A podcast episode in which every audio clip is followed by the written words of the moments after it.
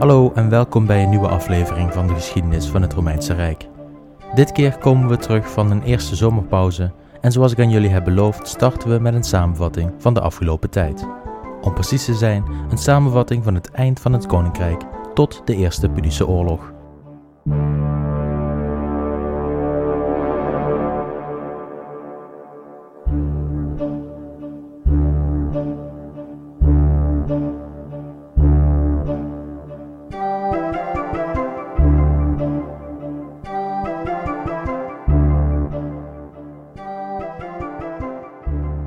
Samenvatting die we vandaag beluisteren beslaat een lange periode, daar ben ik me van bewust. En daarom gaan we het slechts globaal herhalen, zodat u in ieder geval weet hoe we terecht zijn gekomen, waar we terecht zijn gekomen. Ook zei ik dat er een andere opzet van de podcast komt. Deze beslissing schuif ik nog even voor me uit. Ik weet namelijk nog niet hoe ik het wil aanpakken. Nog even geduld dus. Genoeg bijzaken. Laten we gaan doen waarvoor u gekomen bent terug naar het jaar 509 voor Christus. Het koninkrijk Rome kwam ongeveer rond 509 voor Christus aan haar eind en de republiek zag het levenslicht.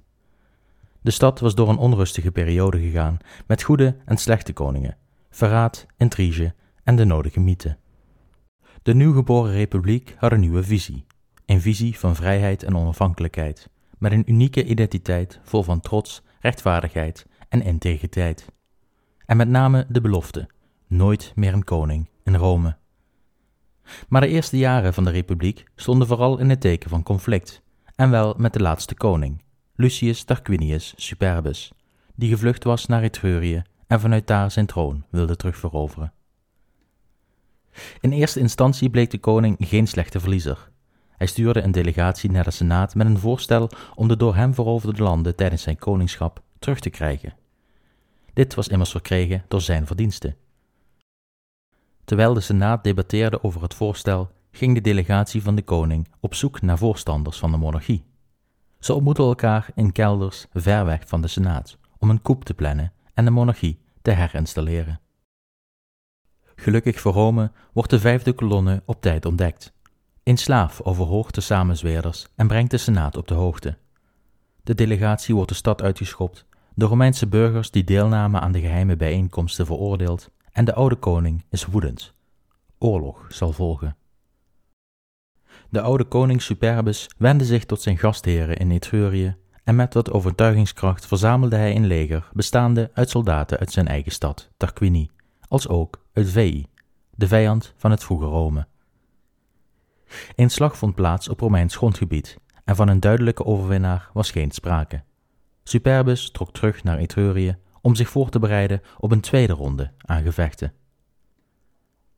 Een van de twee consuls was tijdens het gevecht gedood en er bleef één consul over. Direct staken geruchten de kop op dat deze consul het koningschap nastreefde, een blijk van de diepgewortelde angst van de Romeinen voor de monarchie. Het laat de onrust en achterdocht in de stad goed zien. Eén jaar ging voorbij en Superbus had een nieuwe marionet zover gekregen hem te helpen in de oorlog met de Romeinen. Lars Porsenna, koning van Clusium, was bereid de Romeinen te bevechten. Hij marcheerde naar de eeuwige stad en het gevecht vond plaats aan de rivier de Tiber.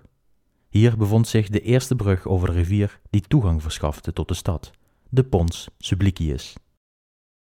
De slag ging niet naar Romeinse wens en al snel moesten de Romeinen terugtrekken over de brug diezelfde brug die Porsenna de toegang zou verschaffen tot de stad, met desastreuze gevolgen. Echter, Horacles Cocles, de eenoogige, wist vrijwel in zijn eentje de brug vrij te houden van vijanden. Hij vocht met gevaar voor eigen leven om te voorkomen dat de brug overrompeld zou worden door de vijand, en hij gaf zijn stadsgenoten net genoeg tijd om de brug achter hem te vernietigen, waarna hij de rivier insprong en naar de overkant zwom. Geholpen door de goden bereikte hij de overkant ondanks de sterke stroming. Rome was voor nu gered. Porsenna was echter nog niet klaar. Hij omsingelde de stad met zijn superieure leger, maar toegang verkreeg hij niet. Hij wachtte tot de stad zou verhongeren en een overgave was dan ook het logische gevolg. Was het niet voor de volgende held van de vroege republiek? Gaius Mucius Scaevola, de linkshandige. Hij wendde zich tot de Senaat met een plan.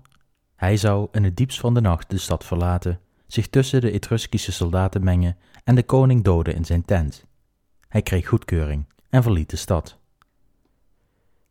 Eenmaal in het vijandelijke kamp sloot hij aan in de rij van soldaten die hun soldij uitgereikt kregen door de koning. Er zaten echter twee mannen naast elkaar die de beloningen uitdeelden, en hij wist niet welke van de twee Porsenna was. Toen zijn twijfel begon op te vallen, trok hij een zwaard en stak een van de twee mannen neer. Hij koos de verkeerde, en Porsenna overleefde de aanslag. Mucius werd gevangen genomen en vertelde Porsenna dat de Romeinse jeugd had gezworen hem te doden. Na hem zouden er nog honderden aanslagen op zijn leven volgen. Porsenna zou altijd op zijn hoede moeten zijn, zolang hij op Romeins land verbleef. Porsenna was woest en dreigde Mucius levend te roosteren als hij het plan van de Romeinse jeugd niet uit de doeken zou doen. Kijk dan, riep Gaius Mucius uit, hoe de Romeinse jeugd hun lichamen minder achten wanneer grote glorie ons te wachten staat. Terwijl hij de koning strak in de ogen aankeek, stak hij zijn rechterhand in een vuur op een altaar in de tent. Hij liet zijn hand roosteren in het vuur, alsof hij van al het gevoel ontdaan was. Een paar seconden gingen voorbij. Iedereen in de tent verwachtte dat Mucius zijn hand al zou hebben teruggetrokken, maar de jonge Romein verroerde zich niet. De koning sprong op uit zijn stoel en hij beval de jongeling om van het altaar te worden verwijderd. Ga, zei hij, je bent een ergere vijand van jezelf dan van mij. Porsenna had respect voor de moed van de jonge man en liet hem gaan. De moed en eer van de Romeinen boezemden hem angst in, en tegelijkertijd had hij bewondering voor deze Romeinse moed.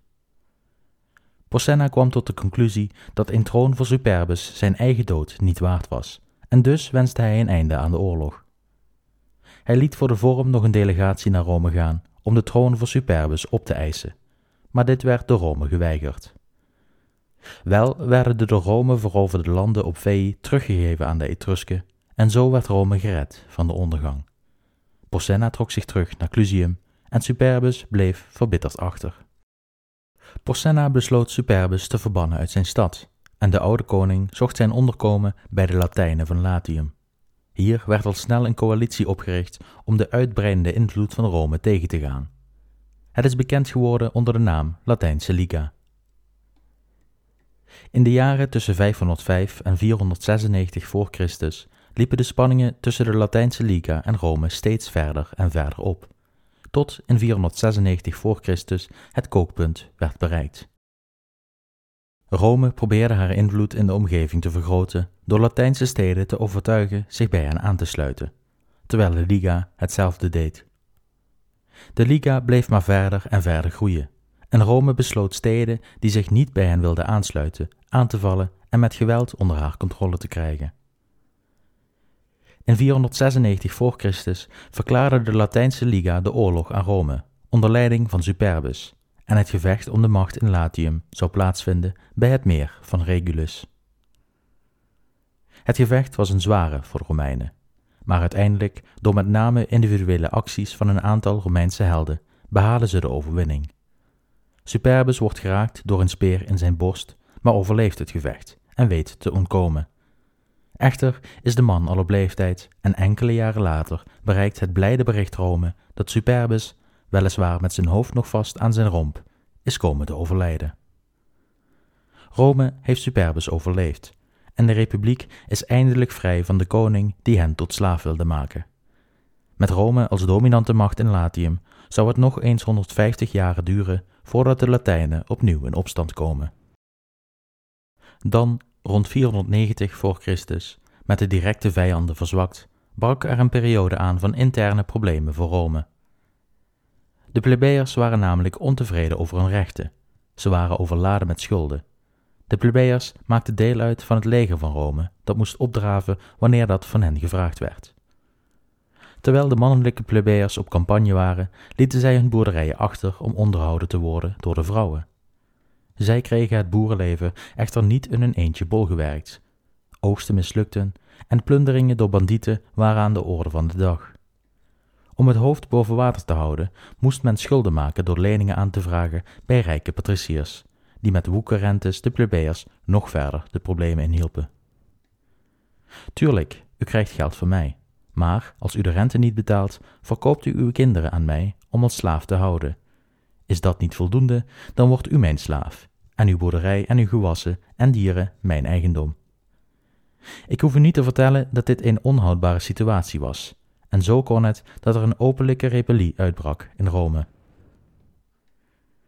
De plebeiers weigerden zich te melden voor het leger wanneer zij werden opgeroepen, en toen een dictator werd aangewezen om hen te dwingen, maar deze zijn functie voortijdig neerlegde uit medelijden voor de situatie van de plebeiers, besloten de plebeiers de stad Rome te verlaten. Het was een exodus. Duizenden mannen van militaire leeftijd verlieten de stad om zich op een heuvel buiten de stad te vestigen. Rome was in paniek. Zonder leger om zich te verdedigen en met de rebellerende plebeiers op steenworp afstand moest er snel een oplossing komen. Deze werd gevonden in de vorm van een nieuw ambt, de volkstribuun. In functie alleen toegankelijk voor plebeiers, waarbij zij deel konden nemen aan het bestuur van de stad. In beginsel stelde deze functie niet veel voor, maar later zal het ambt uitgroeien tot de belangrijke, met eigen veto als tegenwicht voor de consuls. Daarnaast werden nieuwe wetten opgesteld die de plebeiers beschermden tegen de schuldeisers en woekerrentes. De crisis werd bezworen en de plebeiers trokken terug naar de stad. Een conflict ontstaat, ditmaal met de Volsken, een bevolkingsgroep woonachtig in het zuiden van Latium tegen de grens met Campanië. Er worden verschillende oorlogen met de Volsken gevoerd, allemaal succesvol voor Rome.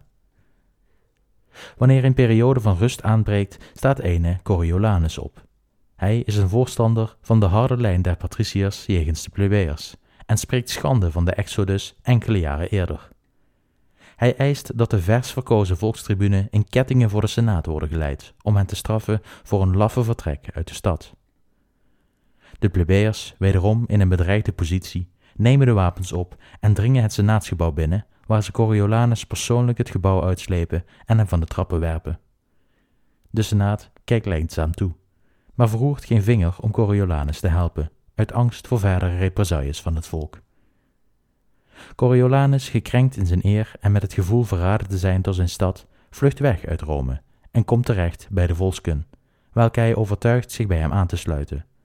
Hij zou hen als Romein naar de overwinning kunnen leiden tegen zijn eigen stad.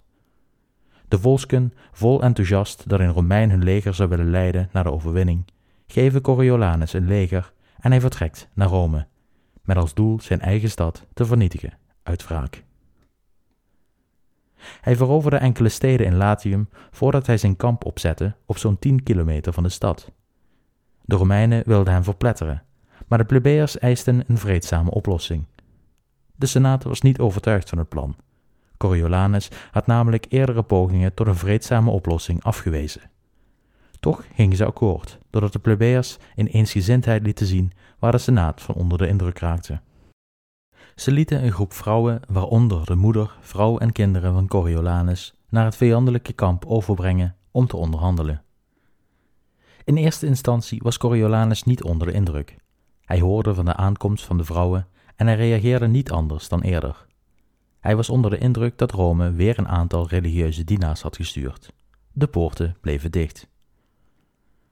Toen echter een vriend van de Romein zijn oude moeder herkende en aan Coriolanus vroeg of dat niet zijn moeder was, sprong hij op uit zijn stoel. De poorten werden haastig geopend en zijn moeder, vrouw en kinderen werden warm omhelst. Na de uitwisseling van vriendelijkheden kwam de moeder snel ter zake. Ze sprak haar zoon toe. Hoe hypocriet hij wel niet was geweest. Hoe hij het over zijn hart kreeg de landen die hem gevoed en onderhouden hadden te laten plunderen door buitenlanders. Hoe hij de stad waar zijn moeder, vrouw en kinderen woonden kon laten belegeren. Hoe hij de oorlog naar zijn kinderen kon brengen. Was het zijn moeder allemaal aan te rekenen, vroeg ze zich af. Als ik kinderloos was gebleven, had Rome dan nu niet hoeven vrezen voor een leven in onderdrukking. Had zijn moeder dan de rest van haar leven vrij kunnen leven. Nadat zijn moeder klaar was, werd Coriolanus omhelst door zijn vrouw en kinderen.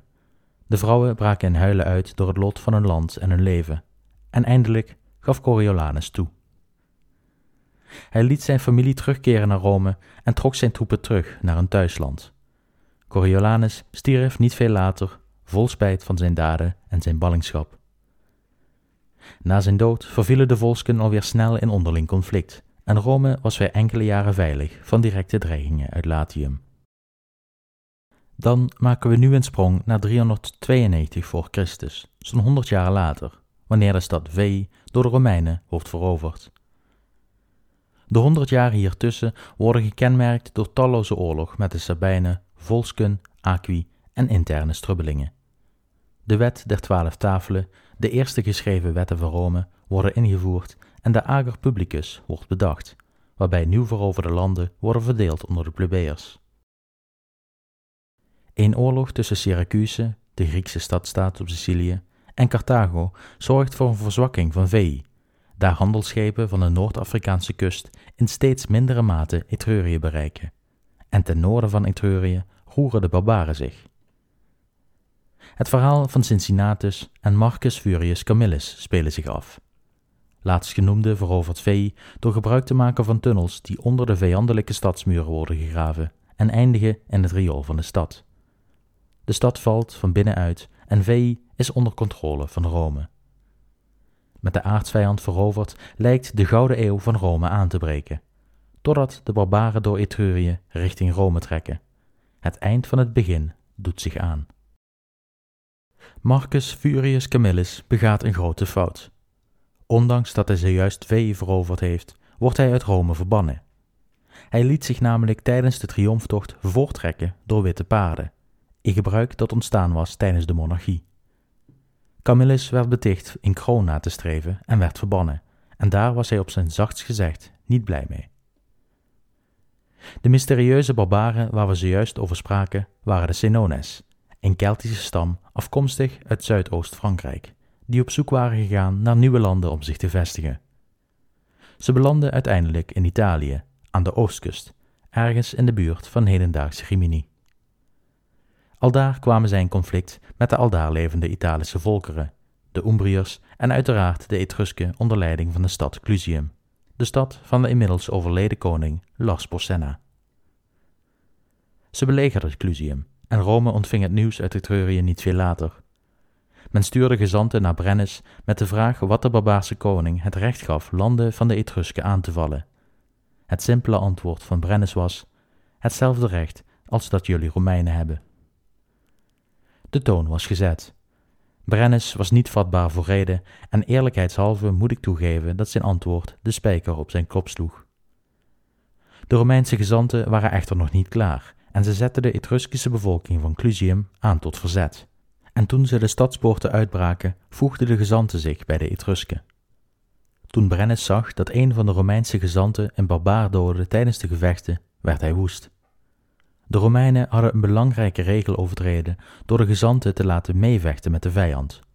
Rome had officieus de oorlog aan Brennus verklaard, en Brennus sprak vervolgens officieel een oorlogsverklaring jegens Rome uit. Hij pakte zijn belegering op en beval zijn leger richting de eeuwige stad te trekken. De Romeinen waren in paniek. Wie waren deze barbaren? Met hoeveel waren ze? En kon Rome, zonder bekwame generaal die zij immers enkele jaren eerder hadden verbannen, de strijd wel winnen? Ze besloten Brennus op te wachten bij de rivier de Alia. Al hier vochten de twee een veldslag uit die vernietigend werd gewonnen door Brennus. De weg naar Rome lag volledig open. Enkele Romeinse soldaten wisten te vluchten. De ene groep vluchtte naar Etrurië, de andere naar de Sabijnen en een kleine groep richting Rome. Hier verspreidde het woord van de vernietigende nederlaag zich snel en paniek sloeg toe. De inwoners verzamelden al het waardevolle dat men kon dragen en verlieten de stad zo snel mogelijk. De stad was onverdedigd, de poorten werden geopend en de vijand kon zo de stad inwandelen. Toen Brennus zag dat de stad onverdedigd was, dacht hij eerst aan een hinderlaag. Voorzichtig liet hij verkenners naar de stad gaan om te kijken of de kust veilig was. Dat was hij zeker. De stad bleek onverdedigd en Brennus marcheerde met zijn troepen de stad in, zonder bloedvergieten en zonder strijd. Binnen in de stad vindt een akkefietje plaats tussen een achtergebleven groepje patriciërs en enkele soldaten van de barbaren. Wanneer de barbaren voor het eerst voet zetten op het forum, zien ze enkele oude patriciërs staan, die volledig gekleed in senatortoga totaal niet onder de indruk leken van de barbaren. De soldaten hadden zo'n verschijning nog nooit gezien, en toen een van hen de scepter van een van de senatoren aanraakte, kreeg hij een klap op zijn hoofd met diezelfde scepter. De barbaar werd woest, vermoordde de senator en het plunderen werd een feit. Het vijandelijke leger plunderde de stad en zette deze in lichterlaaien. De gehele stad viel, behalve de Capitolijn, het deel van de stad waar een relatief kleine groep Romeinen zich had verzameld om de tempels al hier te verdedigen tegen het barbaars gespuis. De Capitolijn was omringd door steile rotsen en muren, en het bleek goed genoeg verdedigbaar om de Senones op afstand te kunnen houden. In de tussentijd worden gezanten naar Marcus Furius Camillus gestuurd. Hij wordt gesmeekt de Romeinen te hulp te schieten. Het was fout geweest hem te verbannen en alleen hij kon Rome redden van de totale vernietiging. Met gezonde tegenzin accepteerde Camillus. Hij ging op weg langs verschillende steden op zoek naar gevluchte Romeinse soldaten om zo een leger bij elkaar te krijgen.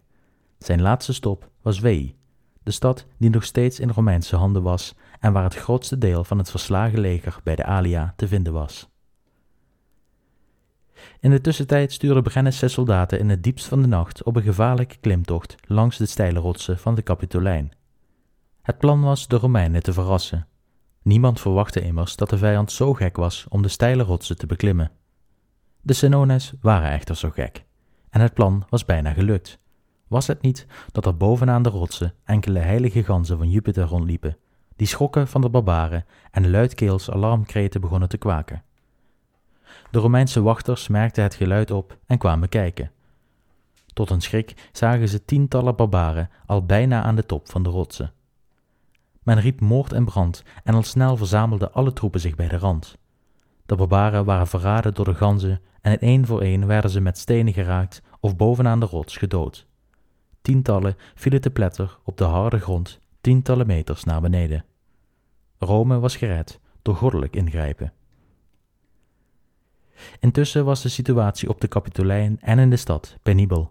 Het eten was op, het water was in de laatste liters en alle dieren, met uitzondering van de honden en de ganzen, waren geslacht, gegeten en verteerd. In de stad zelf was de situatie nog erger. De barbaren waren niet gewend aan het klimaat in Centraal-Italië en ziekten braken uit onder de vijand. Ook voedsel was er schaars. Ze konden het niet langer meer volhouden, maar langer dan de vijand, zo dacht Brennus. Toen het water de Romeinen op de Capitolijn spreekwoordelijk aan de lippen stond, daalden ze naar beneden. Ze traden in onderhandeling met Brennus en boden hen een berg aan goud aan. Brennus accepteerde, en toen de weegschaal erbij werd gehaald en de beloofde hoeveelheid goud werd neergelegd, wierp Brennus zijn zwaard op de weegschaal als contragewicht. Er moest nog meer goud bij. Vai victus, wee de overwonnene, sprak hij uit, en Rome had geen keus dan de belediging te accepteren of toch niet? Op dat moment kwam Marcus Furius Camillus de stad in marcheren met zijn leger.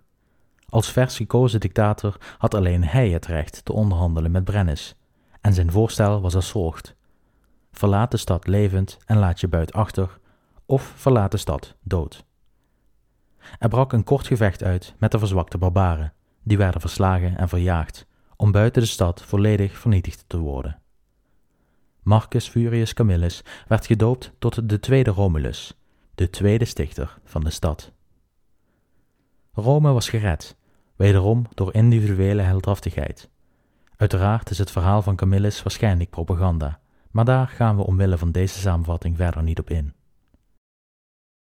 In de vijftig jaren na de plundering van Rome laat de stad een bijzonder herstel zien. Men besefte dat de stad slecht verdedigbaar was en liet een stadsmuur bouwen. Gemiddeld 10 meter hoog en 11 kilometer in lengte beschermt het de stad tegen toekomstige belegeraars. Terwijl Rome aan haar herstel werkt, zien de Latijnen een kans om de onafhankelijkheid te kunnen winnen. En niet alleen de Latijnen hervatten hun vijandigheden. Rome vecht in de periode na de plundering oorlogen uit met vrijwel al haar buren en overwint steeds. Marcus Furius Camillus rijgt de ene na de andere triomftocht aan elkaar en weet Latium onder de duim te krijgen. Terwijl Centraal-Italië langzaam rood kleurt, bedenken de Romeinen verschillende soorten burgerschap, die aan inwoners van veroverde steden of aan bondgenoten gegeven kunnen worden. Er waren verschillende soorten, de een met meer en de ander met minder rechten. Om het kort weer te geven, Was je een trouwe bondgenoot gebleken, dan kreeg je Romeins burgerschap, gedeeltelijk of soms volledig. Was je een slechte bondgenoot of vijand gebleken, dan kreeg je geen burgerschap, maar een zeer karige vorm hiervan. Het beloonde goed en straft slecht gedrag.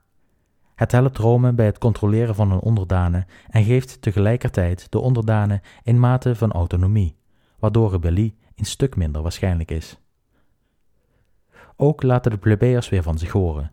Schuldenproblematiek was er nog steeds, ondanks de eerdere maatregelen die genomen waren. Door jarenlang lobbyen van de plebeiers en zelfs sommige patriciërs als Marcus Manlius krijgen de plebeiers het in de jaren na de plundering voor elkaar om de schuldenproblematiek voor nu op te lossen en weten ze het consulschap open te krijgen voor plebeiers, net als vele andere functies die van tevoren altijd gesloten waren gebleven. De wetten van Licinius en Sextius gaven hiertoe de voorzet. We bevinden ons inmiddels in de jaren rondom 350 voor Christus. De Romeinen kregen na de verovering van Veii de smaak te pakken. Expansie, dat was het nieuwe doel van Rome. Langzaam maar zeker gaan ze bondgenootschappen aan met machten buiten Latium, en de Romeinse invloedssfeer groeit en groeit. Met hun directe buren in het gereel kan er verder dan Latium gekeken worden, en het oog valt op Campanië. Rome bouwt steeds meer koloniën en steeds verder van de stad zelf vandaan. Dit is tegen het cerebeen van de Samnieten, een Oskische stam die leven in en rondom de zuidelijke Apennijnen, in centraal-zuidelijk Italië. De spanning tussen de twee grootmachten loopt door de jaren heen steeds verder op, doordat Rome steeds meer invloed probeert te vergaren, een gebied dat door de Samnieten geclaimd wordt. En in 343 voor Christus komt het tot een oorlog. Als de Samnieten een stad in Campanië aanvallen die beschermd wordt door Rome, verklaart Rome de oorlog. De oorlog speelt zich af in drie delen, waarvan het eerste deel het best verloopt voor Rome. In slechts drie veldslagen weten de Romeinen Campanië te redden van Samnitisch gezag. Noord-Campanië wordt geannexeerd en de Samnieten krijgen een verdrag opgelegd vanuit Rome. Na de Eerste Samnitische oorlog komen wederom de Latijnen in opstand, ditmaal voor het laatst deze eeuw. Sterker nog, het zal nog enkele eeuwen duren voordat ze er weer voor problemen zorgen. Het conflict had onder meer te maken met het verdrag dat Rome had met de Latijnen. Die vielen regelmatig Samnitisch land binnen om te plunderen. De Samnieten wenden zich tot Rome met het verwijt dat Rome haar onderdanen niet onder controle had. Immers was er een verdrag met de Samnieten dat ze elkaar met rust zouden laten, en toch bleven de Latijnen ze aanvallen. Rome reageerde laconiek. Men had weliswaar een verdrag met de Latijnen, maar hierin stond niets opgenomen over wie ze zouden aanvallen en waarom. De Latijnen konden doen wat ze wilden, zolang ze zich maar aan de afspraken met Rome hielden. Het gebrek aan actie van Rome leidde ertoe dat de Latijnen dachten dat ze te sterk waren geworden voor Rome om ze tegen te kunnen houden. En zo ontstond wederom een rebellie. De inschatting die de Latijnen maakten was fout.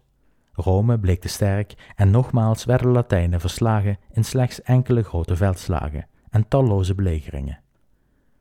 De Latijnse Liga werd verboden en Rome ging met iedere individuele stad relaties aan.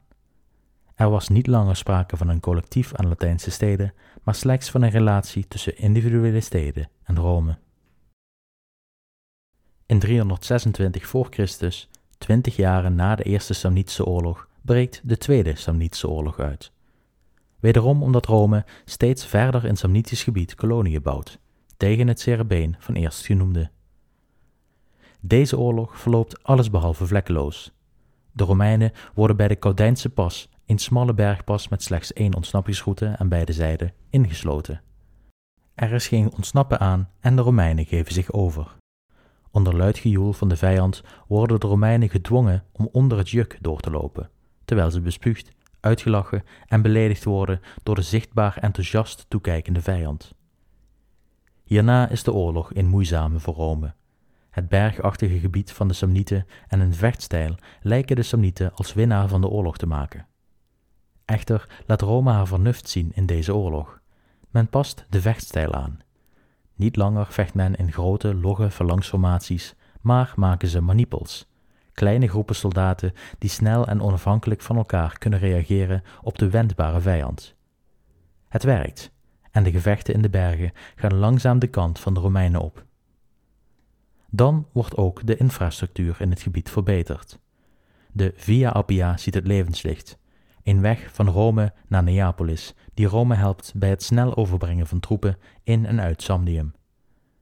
Er worden in Samnium verdedigingswerken opgezet om het veroverde gebied te behouden en de communicatie en bewegingsvrijheid van de vijand in te perken, en de Samnieten worden steeds dieper de bergen in verjaagd. Met Rome duidelijk aan de winnende hand eindigde de oorlog in 304 voor Christus. De vrede mocht echter niet lang duren, want zes jaren later brak de derde en laatste Samnitische oorlog uit.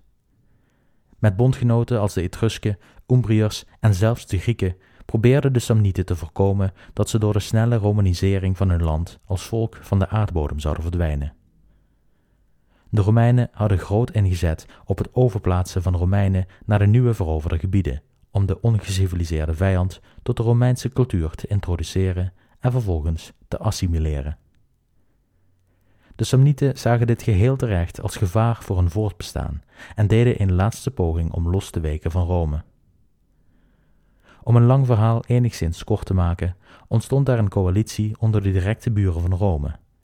Rome wist ze allemaal te verslaan, en na de relatief korte oorlog, die zo'n acht jaren duurde, met lange tussenpauzes, werd een deel van Etrurië, Umbrië, Campanië en heel Samnium aan de Romeinse Republiek toegevoegd. De Romeinen komen tijdens de Derde Samnitische Oorlog voor het eerst in direct contact met Magna Graecia. De grenzen van beide mogendheden raken elkaar inmiddels, en de Grieken zijn niet blij met de uitbreidende macht van Rome. Met name de stad Tarentum deed er alles aan om Rome's macht in te perken.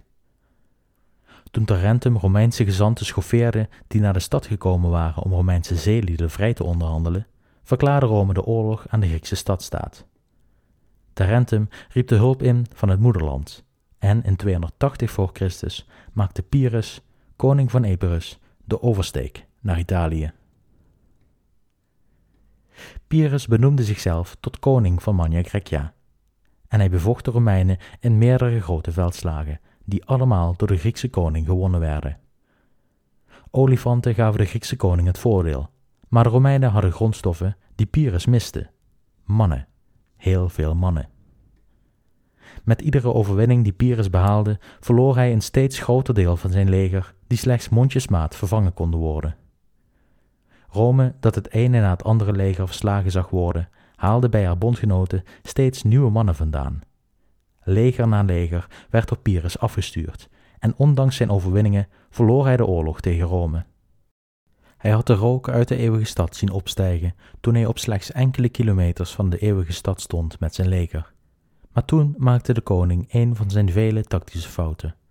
Hij verliet Latium om opnieuw te beginnen met een campagne in Sicilië tegen de Carthagers. Ook hier stond hij voor de poorten van de laatste stad van de Carthagers op het eiland. Maar inmiddels had hij zich zo onpopulair gemaakt bij de Grieken dat hij steun verloor, en ook hier trok hij zonder tastbare resultaten terug. Het avontuur van de Griekse koning in Italië duurde zo'n vijf jaren. Hij zal voor altijd worden onthouden als briljant generaal die de Romeinen maar net niet wist te verslaan. En zo zijn we aan het einde gekomen van deze samenvatting. De volgende grote gebeurtenis is het conflict om Messana en de daaropvolgende oorlog met Carthago, die we recentelijk uitgebreid hebben besproken.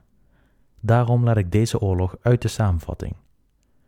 Uiteraard is de samenvatting maar zeer sumier en heb ik vele details, oorzaken en verbanden weggelaten.